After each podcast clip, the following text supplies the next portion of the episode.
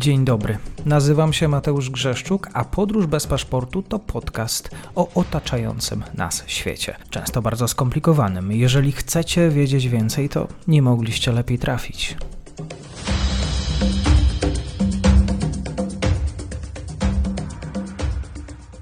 Dzień dobry Państwu, dzień dobry wszystkim słuchaczom. Po drugiej stronie dr Aleksander Olech z redakcji Defense24. Kłaniam się, dzień dobry.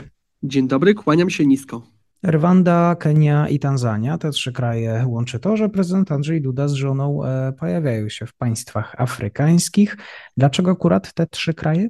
Dlatego, że ostatnim razem wizyta była do Afryki Zachodniej i tym razem należy zmienić gdzieś ten kierunek działań e, Afryka Wschodnia i szukanie też możliwości na współpracę z tymi państwami, oczywiście na czele z Kenią jako tym hubem na Afrykę, Rwandą, ponieważ tutaj jesteśmy w trakcie uruchamiania ambasady i Tanzanią, czyli współpraca w przeszłości, gdzieś poszukiwanie szans, możliwości, ale też wyzwań na kooperację w przyszłości. Kenia akurat jest oczywiście tym punktem e, wyjścia. Czy my robimy biznes dotychczas z tymi trzema krajami? To znaczy, ktoś e, oczywiście doradził, żeby te trzy miejsca odwiedzić. Oczywiście można zadać sobie pytanie, dlaczego jeszcze nie inni sąsiedzi. E, co nas łączy z Kenią, Rwandą i Tanzanią dotychczas? Przede wszystkim aktywność firm prywatnych była już wcześniej, ale jest także wsparcie i ministerialne, a teraz i prezydenckie, żeby organizować fora gospodarcze i żeby podkreślić, że ta obecność polska nie ma tylko charakteru prywatnego, tylko korzyści można mieć także na tym poziomie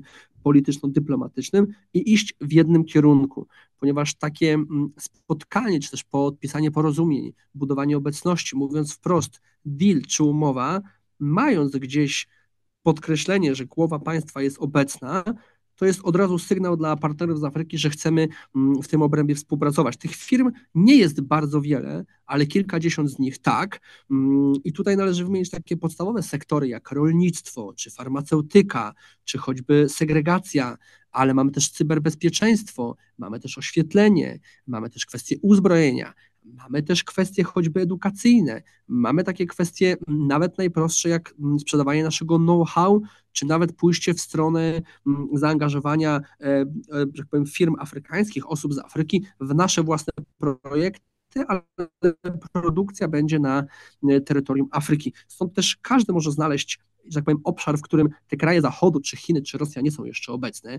Tutaj możemy poszukiwać takich choćby nawet prostych zależności, jak produkcja, czy, czy też tworzenie mm, tych miejsc w sektorze właśnie e, tutaj rolniczym, gdzie konkretne maszyny będą nauczeni obsługiwać, czy, czy konkretne um, wozy e, osoby z Afryki. Mamy też wejście do kraju, konkretnego, w którym na przykład jest bardzo gorąco, e, trudno jest tam walczyć z wilgocią, tutaj chłodziarki mogą być świetną rzeczą. Czy mamy też osoby, które e, korzystają z telefonu każdego dnia, mają jeden, dwa telefony, dlatego w tym obrębie informacyjnym, w tym obrębie cyberbezpieczeństwa możemy tą swoją obecność mieć. No i oczywiście na generalnym poziomie chcemy mm, też angażować my, nasze tutaj e, edukacyjne zdolności w Afryce. Też mamy wielu świetnych profesorów, którzy go, gościli na e, Twojej antenie, którzy do Afryki się udają, ale też dajemy szansę osobom z Afryki, żeby szkoliły się na polskich uczelniach i to wszystko domyka się tą klamrą, że zmniejsza, zwiększa się wymiana gospodarcza, zmniejsza się obecność właśnie innych państw, tylko to z Polską można handlować, e, można sprzedawać, można kupować od Polski i my możemy stopniowo rozwijać choćby naszą obecność dyplomatyczną na miejscu, czyli poszerzać po prostu personel e, dyplomatyczny. Jest to pierwsze spotkanie dzisiaj mm, e, prezydentów Polski i Kenii. Jak na tak dwa wielkie państwa, to musieliśmy trochę poczekać. E, w generalnym ujęciu mamy podpisanie współpracy w ramach infrastruktury, gospodarki wodnej, w ramach współpracy edukacyjnej, rolniczej, ale właśnie wchodzą też kwestie tego bezpieczeństwa żywnościowego. Tutaj na pewno pojawi się na agendzie temat ukraiński, czy nawet takie kwestie jak dezinformacji rosyjskiej. I my chcemy przedstawić swoje spojrzenie na problem rosyjski, a zapewne kraje Afryki przedstawiają swoje e, tutaj wizje, jak z Rosją współpracują, ale też mają swoje problemy regionalne bezpieczeństwa i stąd też Polska musi proaktywnie zareagować, odpowiedzieć, jak my też postrzegamy problemy afrykańskie, żebyśmy działali dwustronnie, czyli rozumiemy kraje Afryki, ale też chcemy być zrozumiani, jeśli chodzi o naszą obecność, która była mniejsza w Afryce przez ostatnie lata i też musimy im przedstawić, dlaczego teraz ma być większa. Prezydent będzie rozmawiał z przedstawicielami Afryki i państw afrykańskich, również dotyczące o problemach i o szansach e, polskiej pomocy rozwojowej właśnie dla tych krajów. Ja zachęcam Państwa do tego, żeby sięgnąć do audycji z doktorem Bartoszem Sobotką, gdzie rozmawialiśmy o, o właśnie o polskiej pomocy rozwojowej, jak może być dobrym narzędziem w polityce zagranicznej. E, może Polska będzie dobrym adwokatem państw afrykańskich w przyszłości, w, w, na przykład w ramach Unii Europejskiej. To znaczy, może Polska będzie potrafiła y, tutaj być dobrym narratorem tej afrykańskiej opowieści, jeżeli chodzi o dialog i też współpracę z kontynentem afrykańskim. Na pewno dla Polski na plus jest to, co pod, potwierdzamy i też przekładamy wielokrotnie, czyli brak tej przeszłości kolonialnej i też nowa wizja i oferta, która różni się od tego, co oferują choćby e, kraje Zachodu. Nas może ograniczać na pewno mniejsza obecność, taka sensu stricto e, na miejscu w postaci choćby placówek, ale szansą jest dla nas właśnie to nowe spojrzenie. Jeśli chodzi o pomoc rozwojową, wyzwaniem jest to, że trzeba bardzo dużo inwestować. Kraje nordyckie na czele ze Szwecją i Danią one pokazują, że mnóstwo pieniędzy w ramach takiej pomocy rozwojowej, wsparcia finansowego jest ich domeną na kontynencie afrykańskim, ale to też wiąże się z tym, co my chcemy otrzymać po tym, jak zainwestujemy.